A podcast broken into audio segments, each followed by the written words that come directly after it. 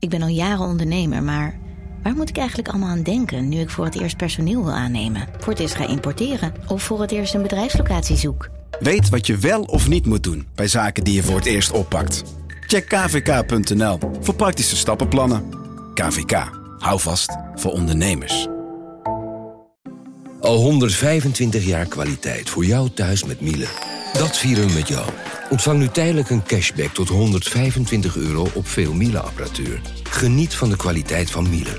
Voor perfect verzorgd wasgoed en kleding die veel langer mooi blijft. Voor een stralend schone vaat, even perfect als jouw diners. En een stofvrij thuis waarin echt hygiënisch schoon de standaard is. Check miele.nl voor alle feestelijke aanbiedingen.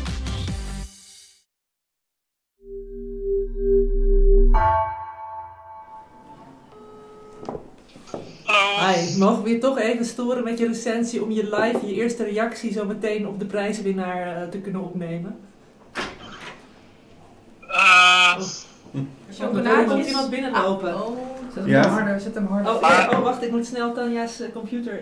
Nobelförsamlingen vid Karolinska institutet har idag, år 2022, ska tilldelas Svante Pääbo Svante Pääbo! Oh, dan moet je toch komen, Henrik. Ja, we hebben je nu nodig. Welkom, wij zijn Onbehaarde Apen. Dit is een podcast van NRC over wetenschap. Met vandaag een speciale aflevering over de Nobelprijs Fysiologie of Geneeskunde. The Nobel Assembly at Karolinska Institutet has today decided to award the 2022 Nobel Prize in Physiology or Medicine to Svante Pääbo for his discoveries concerning the genomes of extinct hominins and human evolution. Welkom Niki Korteweg en Hendrik Spieren hier allebei in de studio. Hendrik, fijn dat je toch nog in de trein bent gesprongen om er hier live bij te zijn. Ja, natuurlijk. Ja, want met Svante Pääbo, met, zeg ik het goed, Pääbo? Ik zeg altijd Pabo, Pabo. maar je mag het zo gek uitspreken als je wil. Ja, het is, het is een Estse naam, uh, heb ik gelezen. Met en, twee A's en twee omlauts erop. Uh. Ja, we, we, maken er wat van. Lijkt maar best wel een goede. ja. Hey, en uh, nou ja, uh, Niki, jij zit hier met natuurlijk al je genetische kennis. En Hendrik, jij bent de Neandertaler-expert. Dus wat dat betreft komen jullie vakgebieden in Pääbo's onderzoek uitstekend samen. Want vertel... Ja, een totale revolutie in de, in de menselijke evolutieleer uh, of in de archeologie. Er zijn eigenlijk uh, drie grote revoluties in de archeologie geweest. Dat is de ontdekking van de archeologie, dat je überhaupt dingen kunt opgraven en dat je daar heel goed uh, mee om moet gaan. Dat is de 19e eeuw. Dan is er de datering met C14, kort na de oorlog. Dat je dus echt dingen goed kan dateren. En sinds ja, 2010 eigenlijk de grote doorbraak van Svante Pabo, ik zeg het maar zo. Uh, is het, het hele idee dat je uit botten DNA kan halen en dat je dan verwantschappen kan vinden met, met tussen Neandertalers en mensen, Neandertalers en Denisoviërs. Er is zelfs dus de Denisoviër, een, een soort Neandertaler is dat, die ook in de ijstijd leefde, een nauwe verwant van de mens, die, die kennen we alleen maar uit zijn DNA. Als we die technieken die Svante Pabo ontwikkeld heeft om dat DNA uit die botten te halen, als we dat niet hadden, hadden we nog nooit van de Denisovier gehad. Dan was het een soort Neandertalerbot geweest. Ja, want over die Denisovier wil ik zo nog wel wat meer weten. Maar even eerst over Pabo zelf. Ik heb zijn naam al regelmatig ook in gesprekken tussen jou en Lucas uh, voorbij horen komen de afgelopen jaren. Lucas die heeft hem zelfs in 2018 nog een keer geïnterviewd. Ja, ja. En um, he, als ik het nu zo van jou hoor, kort en krachtig, is hij degene die als eerste heeft ontdekt hoe je DNA uit Neandertalerbotten kunt. Ja, niet alleen Neandertalerbotten, want er is bijvoorbeeld ook een record gevestigd uh, met uh, hoe, je, hoe, hoe ouder het DNA, hoe moeilijker het terug te vinden is natuurlijk, want het valt uit elkaar. En er is een record volgens mij van 800.000 jaar van een paardenbot uit, uit Alaska. En er is ook van holenberen uit de prehistorische DNA gehaald. Het wordt overal uitgehaald, niet alleen Neandertaler. Alleen de Neandertaler is natuurlijk zeg maar het symbool van de menselijke evolutie als de ander. de, andere, de, de, de, de neef van de mens, die, die wordt ook vaak stommer voor, voorgesteld. Dat valt eh, tegenwoordig wel mee, want uh, er wordt veel meer bekend natuurlijk van zijn manier van leven. En hij was ook uitgestorven en zo. En dankzij Pabo, dat is zijn grote doorbraak geweest, is er ontdekt dat uh, uh, wij met z'n drie hier, alle drie waarschijnlijk als, als West-Europeanen, uh, ongeveer 2% van ons DNA hebben we van Neandertalers. Dus het, is gewoon een, een, een, en in totaal bij de, alle mensen over de hele wereld, als je alles bij elkaar optelt, is 20% van het DNA is afkomstig van uh, het Neandertaal-genoom. Dus eigenlijk hebben we die, die genetische verwantschap, soort van hele verre familie, hebben we er door hem bijgekregen. Ja, en dus ook een, een totale revolutie van het denken. Want is het dan eigenlijk nog wel een aparte soort? hoort het eigenlijk. Die Pabo heeft daar dus ook echt uh, werk van gemaakt om het niet, bijvoorbeeld die Denisovier die hij ontdekt heeft, niet tot een aparte soort te benoemen. Dat had hij kunnen doen, maar eigenlijk is het een bijna een variant van, uh, van ons. Ja, dus wat maakt de of wij een variant van hun? ja, wat, wat, maakt Homo sapiens nog uniek ja, dan eigenlijk? Daar gaat het heel erg om. Er is eigenlijk één groot probleem voor de menselijke evolutie: dat de echte oude dingen die liggen allemaal rond de evenaar. En dat is te heet, want ja, er blijft niks van het DNA over, toch? Nee, en dat, dat was natuurlijk sowieso het grote probleem met dat, met dat onderzoeken van uh, oud DNA uit oude botten. Dat ver, verkruimelt waar je bij staat, gewoon hoe langer het geleden is, hoe kleiner de DNA-fragmentjes nog zijn. Uh, dus dat was een groot probleem. Die kun je niet goed karakteriseren. En je en, hebt dan gewoon wat losse vlodders liggen. Ja, en een ander heel groot probleem is dat het heel erg besmet is, gecontamineerd met bijvoorbeeld bacteriën, maar ook met DNA van mensen die het hebben aangeraakt. Dus zo'n zo'n botfragment, als je daar DNA uit probeert te isoleren, wat al heel, wat heel klein is en uh, maar weinig, heel weinig materiaal is er nog over. Als daar ontstellend veel bacterieel DNA bij zit en DNA van andere mensen, ja, dan, dan krijg je nooit meer boven tafel wat nou dat Neandertaler DNA was en wat uh, van de moderne mens was. Het is eigenlijk kapotte speld in een hooiberg. Ja, dus, ja spelde punt. Ja. En, en, en daarmee moest Pabo dus, die moest eigenlijk eigenhandig die hele techniek ontwikkelen om dan dat oude DNA uh, bruikbaar te maken of om dat te kunnen te extraheren. Nou, wat hij heel handig gedaan heeft, dat is eigenlijk een, een hele mooie samenloop van omstandigheden. Want het begin van deze eeuw kwam uh, de nou, Next Generation DNA-sequencing op. is een hele andere, moderne manier van DNA-volgorde bepalen. Dus de volgorde van de bouwstenen in het DNA-molecuul. En die moleculen zijn heel erg lang. Um, maar in deze nieuwe techniek knip je die moleculen op en worden al die fragmentjes tegelijkertijd in kaart gebracht. En later puzzel je die dan aan elkaar tot, tot wat, het dan, wat dan de volgorde moet zijn. En dat is natuurlijk bij uitstek handig voor dat archeologische DNA, wat sowieso al in allerlei fragmentjes zit. Dus ja, daar heeft Pabo echt heel, uh, heel handig gebruik van gemaakt. Dat is een van, van, uh, ja, een van de redenen waardoor hij deze uh, doorbraken kon bereiken. Maar ge gebruik gemaakt, dat laat wel zien van hè, hij, hij staat weer op de, de, de schouders van ja. andere wetenschappers. Dus van de uitvinders van die, van die ja, techniek die bijvoorbeeld. Maar wat hij wel heel mooi heeft ontdekt, is ook hoe je dat DNA dan kunt isoleren uit die botsplinters die er gevonden zijn. Uh, en hij, hij doet dat eigenlijk gewoon door die botten, die splintertjes, ja, in, in bleekmiddel te gooien. Dat moet je echt even uitleggen, hoe je daarmee DNA kan winnen met bleekmiddel. Ja, want dan maak je, maak je alles kapot, zou je denken. Maar ja, door het eerst te behandelen met, met bleek, uh, dood je die bacteriën die erop zitten. En uh, maak je ook het DNA kapot wat van moderne mensen is, die dat, die, splinter hebben vastgehouden. En als je pas daarna dan het DNA uit het bot zelf gehaald, dat, dat wordt beschermd door, de, door het bot wat er omheen zit. Uh, en met allerlei handige technieken die hij ook heeft gevonden, kan hij dat eruit halen. En dan heb je gewoon het zuivere Neandertaler DNA, wat je dan kan gaan analyseren. Ja, daar zit nog veel contaminatie in, maar veel minder natuurlijk. Ja, ja. ja want jij noemt nu splinters en ja, uh, die Denisoviërs, die werd ook uit een, uh, dat DNA werd uit een heel klein vingerkootje gehaald. Maar ideaal is, en zo gebeurt het ook meestal, om het uit tanden te halen. Want het is ook heel, uh, met, door het glazuur ook heel goed beschermd tegen de buitenwereld. Hoewel daar ook veel bacteriën zitten, zullen ze ook wel chloor op gooien. En het temporaal bot, dat het zit zo achter je oor, zit ongeveer het dikste stuk bot wat je, wat je op je hoofd hebt. En dan kunnen ze er precies erin boren. Dat is altijd, uh, altijd winst als ze dat vinden.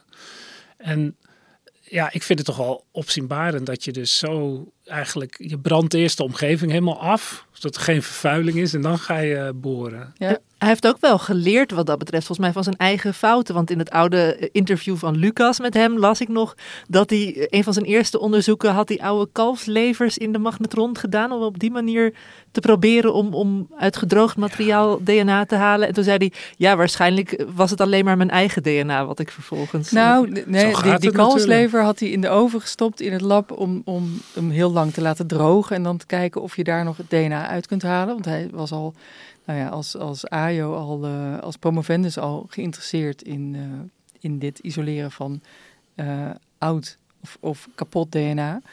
Um, maar hij was ook als kind al heel erg gefascineerd door mummies bijvoorbeeld. Hij was op vakantie geweest met zijn ouders naar Egypte. En daar was hij nou ja, geïntrigeerd geraakt door mummies. En hij wilde DNA van een mummie ook karakteriseren. Dat is hem ook gelukt in, uh, in 1985. Ja, want we hadden het net al even over uh, zijn achternaam, Pabo. Die heeft hij van zijn moeder, Karin, een Estse voedselwetenschapper. Maar zijn vader was een Zweed, Sune Bergström. En die won precies 40 jaar geleden, in 1982, ook de Nobelprijs voor de fysiologie of geneeskunde. Weet, weten jullie waarvoor dat toen was? Bijzonder is dat, hè? Ja, ja ik, dat heb ik even opgezocht. Die heeft het uh, gekregen voor de ontdekking van prostaglandine. En dat zijn hormoonachtige stoffen die ja, bij allerlei processen in het lichaam betrokken zijn. En, en zou het zo kunnen zijn dat, uh, nou even kijken, hoe was hij? Uh, Swante was toen nog geen dertig, dat hij toen dacht, ik wil in de voetsporen van mijn vader tre treden? Nou, ik denk dat, dat Swante Pabo echt never gedacht heeft, zeker in het begin, de laatste jaren werd het wel eens gezegd, om daar een Nobelprijs voor te krijgen. Omdat het, ja, wat je wel hoort, is dat het uh, misschien. Uh, hij was natuurlijk een onecht kind, een buitenechtelijk kind van die Bergstreum. En hij is ook door zijn moeder en uh, zijn stiefvader opgevoed. En het is natuurlijk toch wel heel ironisch dat hij dan zelf zoveel baanbrekend werk heeft gedaan op het gebied van afstamming. Ja, ja precies. Maar goed, ik, ik geloof niet dat dat nou echt, dat hij daar nou heel, heel, erg van wakker lag. In Zweden was het ook niet zo vreselijk om een buitenechtelijk kind te zijn. Dus ik, oh nee, is dat daar minder erg? Ja, het is een hele moderne samenleving. Ja. Maar in, in ieder geval, uh, hij, hij, heeft nu de Nobelprijs gekregen. Uh, je zei van de laatste jaren werd het al wel eens geroepen. Maar is het in die zin, dacht ik van, oh, het moet toch altijd ook een of ander maatschappelijk nut hebben. Ben, ben, ik heel flauw om te zeggen, wat is het maatschappelijk nut van deze ontdekking? Ja, maar dat is, een, dat is helemaal niet flauw. Maar het antwoord is ook heel simpel. Omdat het, dit soort onderzoek geeft dus een enorm uh, inzicht in wie we zijn. Alleen al het feit dat je dus nu, als het over Neandertalers gaat, uh, niet meer het gevoel hebt dat dat uh, uh, een ver, ver iets is, maar dat dat eigenlijk deel van onze eigen stamboom is geworden. Maar ook hoe zijn werk heeft ook nu allerlei andere effecten. Soms werkt hij er zelf aan mee, soms niet. Over bijvoorbeeld waar de Europeanen eigenlijk van afstammen. En dat is zelfs politiek van belang. Ja, ik bedoel, ten onrechte politiek van belang. Ik zou zeggen dat het geen enkele politieke, maar extreemrechtse groepen willen daar dan gebruik van maken. Dus het is extreem belangrijk om dat allemaal te ontrafelen. Waar bijvoorbeeld de Indo-Europese talen vandaan komen, hoe dat allemaal giet. Het is allemaal op zijn werk gebaseerd, door anderen uitgewerkt. Dus hij staat ook eigenlijk gewoon aan, aan de basis van een heel nieuw vakgebied. Ja, die ook direct op de mens slaat. Want er wordt ook wel eens een holenbeer of een kikker natuurlijk geanalyseerd. Maar het gaat toch heel erg over mensen. Want daarvoor wordt al dat, het is heel duur onderzoek, al dat geld uh, besteed. Maar ik wil ook nog wel even een pleidooi houden dat ik het zo bijzonder vind dat deze man het krijgt. Omdat hij in zijn eentje dat eigenlijk heeft gedaan. Want hij heeft gebruik gemaakt van bestaande technieken. Je kan ook zeggen, het, uh, het is gewoon een hele harde werker die gewoon net zo lang alles schoongeboend heeft. Dat, Met dat bleekmiddel. Ja. ja, totdat het betrouwbaar was. Want anders was het niet betrouwbaar. Dan zou iedereen zeggen, ja, heb je niet je eigen DNA zitten sequencen? Want dat is altijd de angst. Iedereen die bij zo'n onderzoek ook betrokken is, dan wordt het DNA ook van gesequenced. En als ze daar nou wat vinden, dan wordt dat... Het is een enorm werk om dat allemaal te doen. Maar dat heeft hij dus allemaal voortgezet, terwijl... Ja, in, in de jaren negentig en zelfs daarna nog iedereen dacht, ja, dat is zo ingewikkeld met de Neandertalers. Al die korte stukjes, dat gaat never lukken. En ik, ik herinner me ook nog, de, het totale opzienbarende jaar 2010, waarin eerst dat Neandertaal genomen werd ontcijferd, weliswaar een first draft, maar toen was ineens duidelijk dat wij allemaal uh, Neandertaal DNA hebben en ook allemaal genen daarvan over hebben gehouden. Maar ook die Denisovia, dat is echt een revolutie gewoon. Ja, dus dat hij eigenlijk ook gewoon een, een, een hele nieuwe mens heeft ontdekt met die Denisovia. Ja. Dat, maar als ik het zo hoor, je zegt van er zijn, hebben dus veel mensen aan meegewerkt die allemaal ook hun DNA hebben moeten laten sequencen. Was het dan niet toch eerlijk geweest om ook nog een andere prijswinnaar aan te wijzen? Nee, omdat hij het zo in zijn eentje uit de grond heeft getild. Natuurlijk altijd met hulp van anderen, zoals het altijd gaat in de, in de wetenschap. Maar je mag maar drie mensen uh, dat geven. En hij steekt er zo met kop en schouders als Auf Heber bovenuit. Ik sprak Wil Roebroeks, een bekende Nederlandse archeoloog, uh, hierover. En die zei, ja, volkomen terecht. De enige die ook die prijs had kunnen krijgen was het Duitse instituut, waar Svante Pabo al sinds de jaren negentig werkt. Het, uh, het Max Planck Instituut voor Evolutionaire Antropologie in Leipzig. En, en daar, daar werkt hij nu nog altijd. Ja, ook, ja, dus die, ja, daar is hij directeur uh, van geworden. En dat, dat is feitelijk gebouwd, in het leven geroepen, doordat hij dat werk aan het doen was. En het Max Planck gezelschap daar, daar wel uh, brood in zag. Uh, dus ja, ze hebben dat hele instituut ingericht. En, en ja, ik heb dus gehoord dat er zelfs een, een indoor klimmuur in het instituut is gebouwd. Omdat Pebo zo van indoor klimmen houdt. En een sauna op, uh, op de bovenste etage, omdat hij uh, tenslotte uit Zweden komt en ook graag de sauna ingaat. Ik vind nog wel inspiratie hier voor het NRC-gebouw eigenlijk. Ja, maar ik denk wel dat we dan ook allemaal uh, publicaties in Science and Nature moeten doen die meer dan duizend of drieduizend keer geciteerd worden. Weet je, dat is het niveau van deze man. Ja. Voordat je een sauna verdient, ja. Dat... ja. Nou, en iedereen, mag, iedereen die daar werkt mag daar gebruik van maken. Het is natuurlijk niet speciaal voor hem uh, in, in het gebouw. Maar ja, zo zie je wel dat, uh, ja, ik de rode wel. loper wel is uitgerold voor hem. En nou ja, dat is natuurlijk ook... Mede daardoor heeft hij al deze ontdekkingen ook kunnen doen. Want dat zo'n Max Planck Instituut is, staat los van uh, universiteiten. Dat is gewoon Duits belastinggeld wat gepompt wordt in een instituut voor onderzoek... wat niet bij een universiteit uh, uitgevoerd kan worden. En uh, ja, zo heeft hij met heel veel middelen zijn ontdekkingen kunnen doen. En hoe nu verder? Zijn er uh, nog, nog vraagstukken waar jullie op hopen, die misschien met behulp van zijn technieken dan nog kunnen worden nou, ontdekt? daar zal nog wel heel veel van komen. En wat je, waar hij nu zelf ook mee bezig is, maar daarin is hij ook niet de enige. Uh, dat gebeurt nu over de hele wereld. Dat is uh, verder uitzoeken wat nou bijvoorbeeld de functionaliteit is van de ongeveer 100 genen uh, waarin de mens verschilt van de Neandertaler. Welke genen zijn dat? Er zijn, dat is een enorm werk om dat goed uit te zoeken. En dan gebruiken ze ook die organoïden. Er zijn nog wel ja, 100 eiwitten zijn de verschil. Maar dat zijn in feite genen natuurlijk. Ja. En ze hebben er nu laatst zes, met Pabo heeft daar ook aan meegewerkt. Uh, zes uitgezocht en uh, vreselijk ingewikkeld onderzoek. En dat waren dan genen die in de hersenen werkten of eiwitten. En dat uh, bij de mens, in tegenstelling tot bij de Neandertaler, zorgden die genen ervoor dat er minder fouten werden gemaakt bij het, het, het, het delen, het, het celdeling bij het ontstaan van hersenen.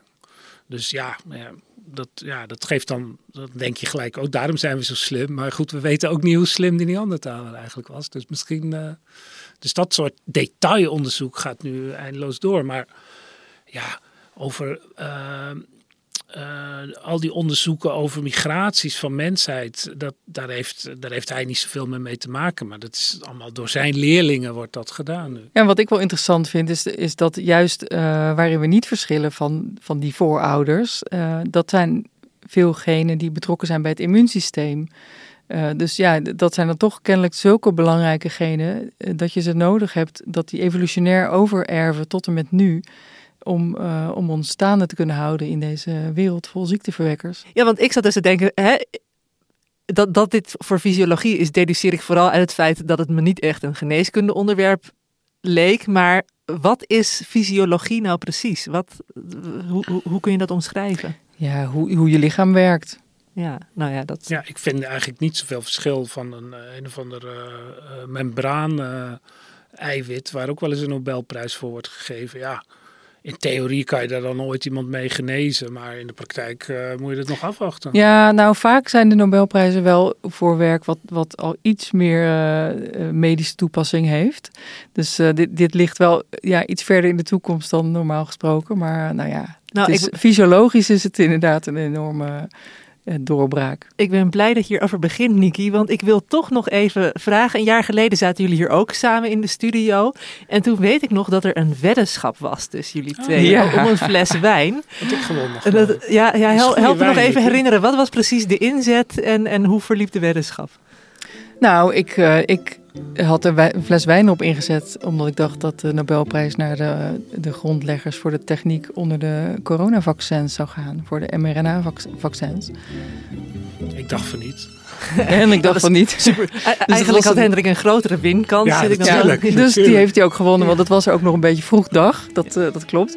Maar ik dacht dit jaar, nou, dan zal het dit jaar wel zijn. Ik zet er weer een fles wijn op met Hendrik.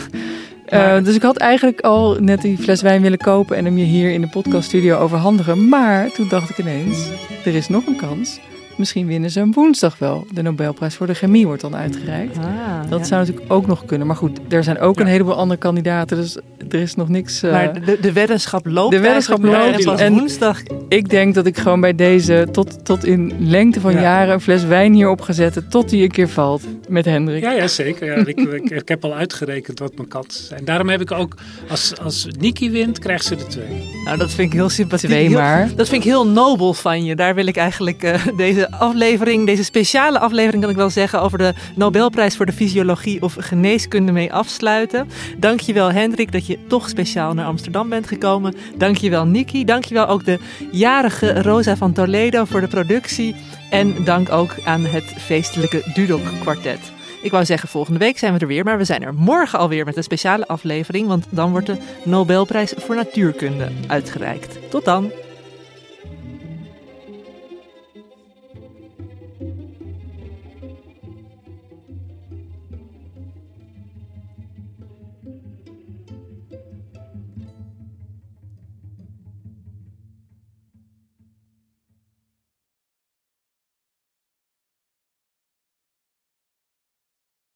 Technologie lijkt tegenwoordig het antwoord op iedere uitdaging. Bij PwC zien we dit anders. Als we de potentie van technologie willen benutten, kunnen we niet zonder een menselijk perspectief. Human-led, tech-powered noemen we dat. Ga naar pwc.nl.